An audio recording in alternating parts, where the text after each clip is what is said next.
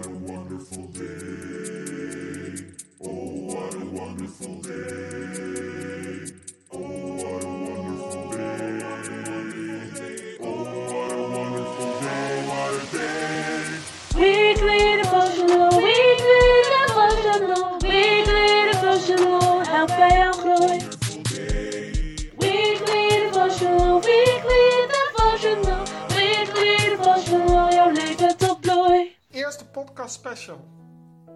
Eh, maar ten aanzien van het feit dat we nu hier ook corona, COVID-19 hebben, wat, wat eh, in dit land is, eh, wat we ontdekt hebben, waar ook Nederlanders zijn die eraan lijden, zitten we natuurlijk met z'n allen in een lockdown.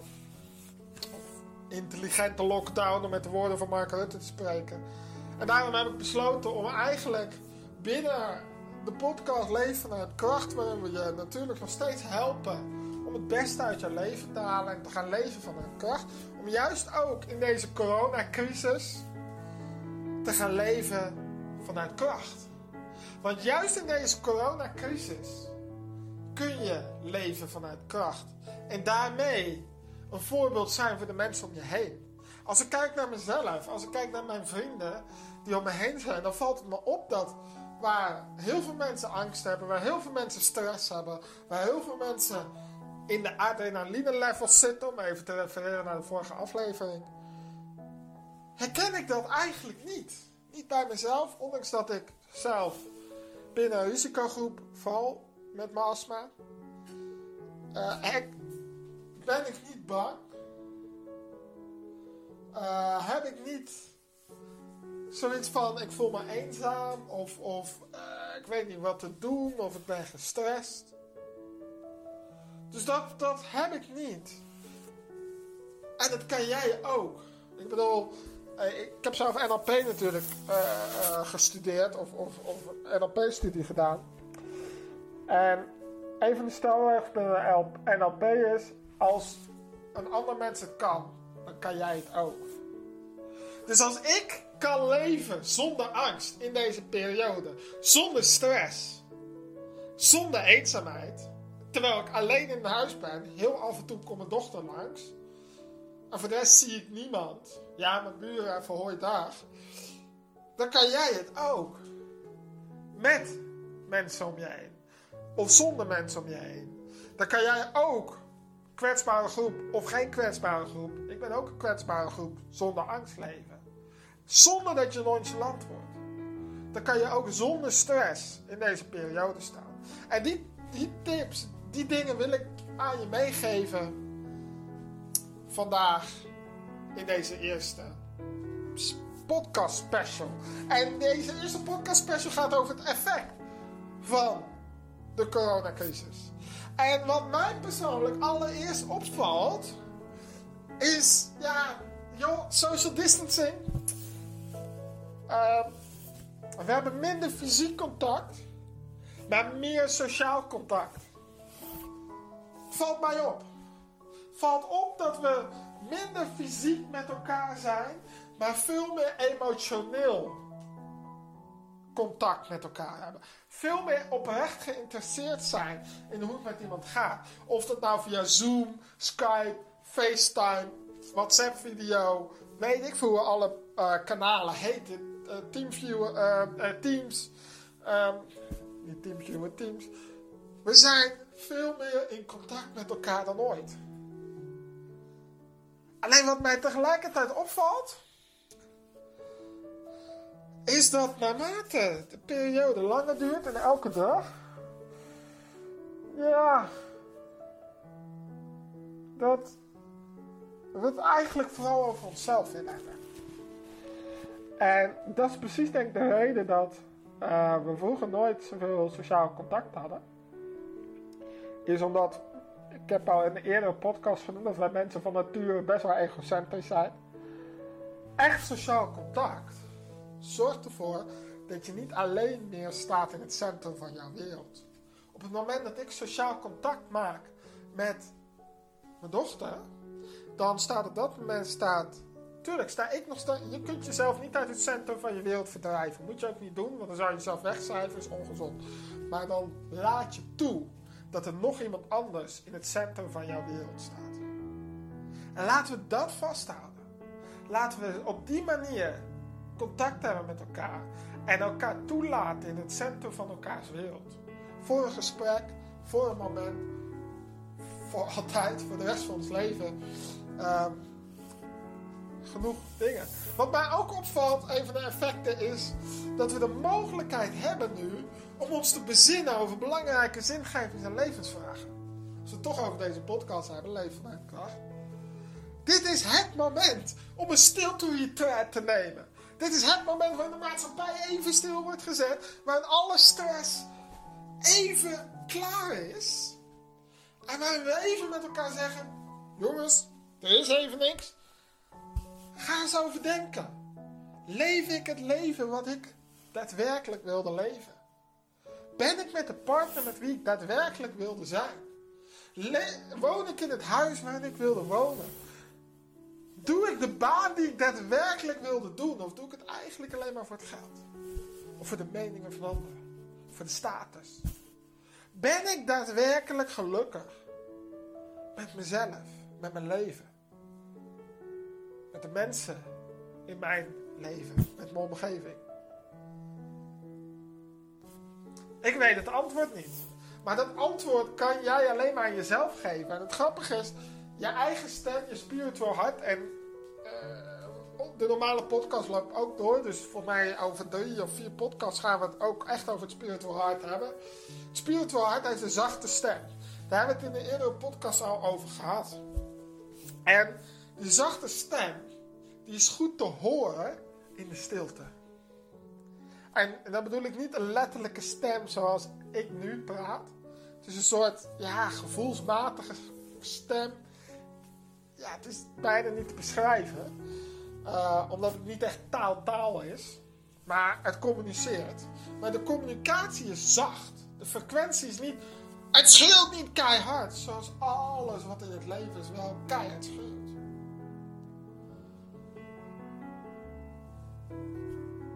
En juist in deze stilte, dat alles van het leven, alle schreeuwkanalen stop zijn gezet, is dit het moment om te gaan luisteren naar je spiritual hart en naar wie jij werkelijk bent. En misschien probeert hij al jarenlang iets aan je duidelijk te maken.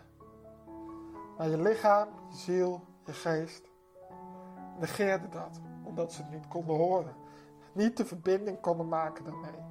Dus neem deze tijd ook daarvoor. Dat is een perfect effect. Normaal moet je een stilte retreat, weet ik honderden euro's betalen om naar een klooster te gaan. Je hebt een gratis klooster. En ook al woon je met mensen in huis, dan zeg je, luister, ik wil twee uur per dag of een uur per dag of weet ik veel. Wil ik ook gewoon even mijn tijd alleen in mijn kamer of ga wandelen in je eentje. Maar neem die stilte. Dan hebben we nog twee negatieve effecten van deze coronacrisis. Dus allereerst, bij heel veel mensen zie je de cirkel van zelfdestructie zie je op, eh, opkomen. We hebben het in de allereerste aflevering over gehad. Verslaving, depressief, burn-out. Depressiviteit, burn-out, de cirkel van zelfdestructie. Je ziet hem op, oplaaien. Mensen voelen zich eenzaam, worden depressief. eh, gaan weer meer drinken, meer roken, meer drugs gebruiken. Nou ja, wiet is wat lastiger nu, omdat natuurlijk de coffeeshops dicht zijn. En ik heb echt wel wat mensen meegemaakt die juist in deze periode in een burn-out belanden. Dat klinkt gek. Maar dat komt omdat het de cirkel van zelfdestructie is. Burn-out is niet gebonden aan werk. Burn-out is onderdeel van de cirkel van zelfdestructie. Dus daarvoor wil ik je eigenlijk verwijzen naar aflevering 1 om die opnieuw te gaan luisteren hoe je uit die cirkel kunt komen. Ik ga dat niet nu helemaal herhalen omwille van de tijd. Maar luister aflevering 1 van deze podcast terug over de cirkel van zelfdestructie.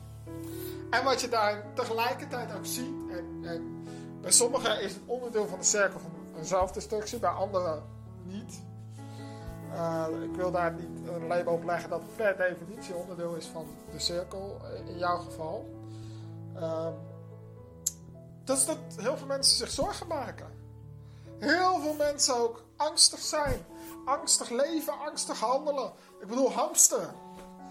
Ik bedoel, ja, we kennen allemaal eh, het gebaar van de, eh, van, de, van de van de hamster. Maar hamsteren is de handeling die voortkomt vanuit angst. Bang dat er niet genoeg eten voor jou is. Daarom ga je hamsteren. Als jij je geen zorgen maakt, als jij niet angstig bent, hoef je niet te hamsteren. Want dan het tegenovergestelde van angst, en we gaan daar in de volgende podcast nog dieper op in. Hoe kom je nou uit die angst? En ga je angstvrij door deze crisis heen? Maar het tegenovergestelde van angst is vertrouwen. Ik hoef niet te hamsteren, omdat ik vertrouwen heb dat er genoeg voor mij is. Dat ik vertrouwen heb dat het goed komt. Ik maak me geen zorgen. En dat heeft weer te maken met het feit dat ik één, de eeuwige bron van liefde ontdekt heb. Dat ik niet met de cirkel van zelfdestructie zit. Nou komen de thema's van de afgelopen podcast door. Maar dat is natuurlijk een breder palet. En ik ga de volgende eh, podcast special nog wat dieper op in. Maar begin in ieder geval voor jezelf te zien. Hey, wat voor effecten heeft deze coronacrisis op mijn leven? En dan heb ik het niet over het feit dat je inkomen wegvalt, want ook voor mij valt dat weg. Ik ben ook ZZP'er. Daarnaast werk ik ook in de horeca. Nou, hey, dubbel pech, zullen we zeggen. Dus nee, eh, daar heb ik het niet over. Ik heb het ook niet over het feit dat je kinderen niet naar school kunnen, dat je constant thuis zit. Dat geloven we allemaal wel, want dat hebben we allemaal. Maar wat zijn nou specifieke dingen als het gaat om... Hoe zit het nou met sociaal contact voor jou in deze coronacrisis? Wat voor effect heeft dat op het sociaal contact? Gebruik jij deze tijd tot bezinning? En, en wat is nu eigenlijk het antwoord voor jou? Heb je al geluisterd naar je spiritual hart? Naar de werkelijke jij? Misschien de cirkel van zelfdestructie die opkomt? Misschien maak je wel heel veel zorgen. Ben je heel erg bang? Handel je ook vanuit angst? Misschien ook wel helemaal niet. Misschien ben je wel hartstikke nonchalant, wat ook niet gezond is. Nonchalantie zit ook aan angst verweven. Daar kom ik volgende uh, podcast special op terug. Of misschien leef je vanuit vertrouwen, handel je vanuit vertrouwen. Maar wat voor effect heeft deze crisis nou op jou? Neem ook dus echt tijd voor jezelf tijdens deze coronacrisis, zoals ik hem noem. En gebruik het ook echt als een stilte-retreat, als een stilte-moment. En normaal, bij de normale podcast sluiten we af met een eindvraag. En die heb ik dit keer natuurlijk ook. Alleen de eindvraag is dit keer iets anders. Dit keer heb ik een x aantal mensen gevraagd om te vertellen aan jou wat voor effect coronacrisis heeft op, op hun leven. Dus ik zou zeggen, sluit af met de vraag die ik stel aan deze mensen. Wat voor effect heeft de coronacrisis op jouw leven? Ik heb vooral last van alle maatregelen die worden genomen. Dat, uh, daar ben ik het niet altijd mee eens. Ik, uh, ik, wil naar de sportschool, maar de sportschool zit op slot. Ik, merk op mijn, uh, op mijn werk, op mijn werk dat, dat we met een schema werken. Dat we niet allemaal tegelijk op kantoor mogen werken. Dus ik mis het, het contact met mijn collega's. Persoonlijk probeer ik zoveel mogelijk op kantoor te werken. Ik heb ook nog klantencontact.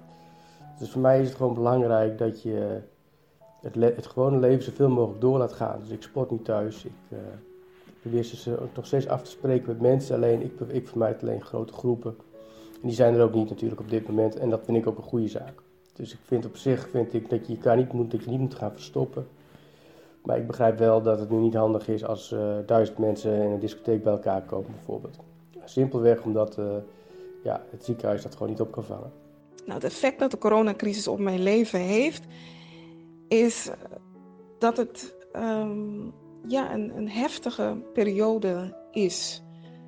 Um, waarbij je op de een of andere dag opeens te maken hebt met een virus die onzichtbaar is, die je niet kan zien en um, waar je wel tegen wil beschermen. En dat heeft dan natuurlijk te maken met je gezondheid. Want gezondheid is heel belangrijk, dat is onbetaalbaar, het is kostbaar. En um, ja, op een of andere dag is jouw gezondheid eigenlijk in het gevaar. En het is nog zo'n onbekende virus dat je niet goed weet hoe je daartegen ja, moet vechten.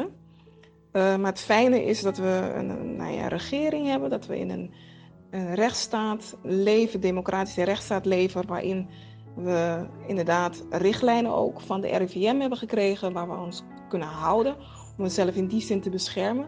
Maar ja, echt de 100% bescherming um, kunnen ze ook weer niet geven. Maar het is heel belangrijk om de richtlijnen uh, in acht te nemen en te volgen. Dus dat is wel heel erg belangrijk voor mij.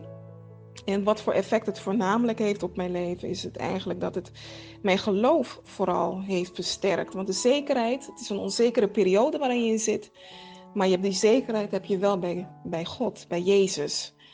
En um, dus dat is gebed, is daarin heel belangrijk voor mij, dat ik uh, daarin blijf staan. En dat het eigenlijk mij alleen maar versterkt heeft in deze onzekere uh, periode.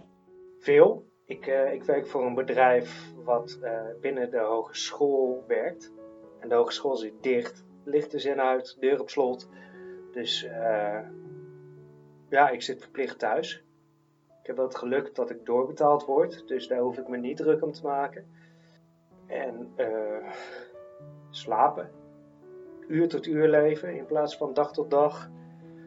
Uh, ik probeer van elk uur iets, iets leuks te maken. Als dat mislukt, dan is er weer een nieuw uur. Deze podcast is geproduceerd door Fearless Generation.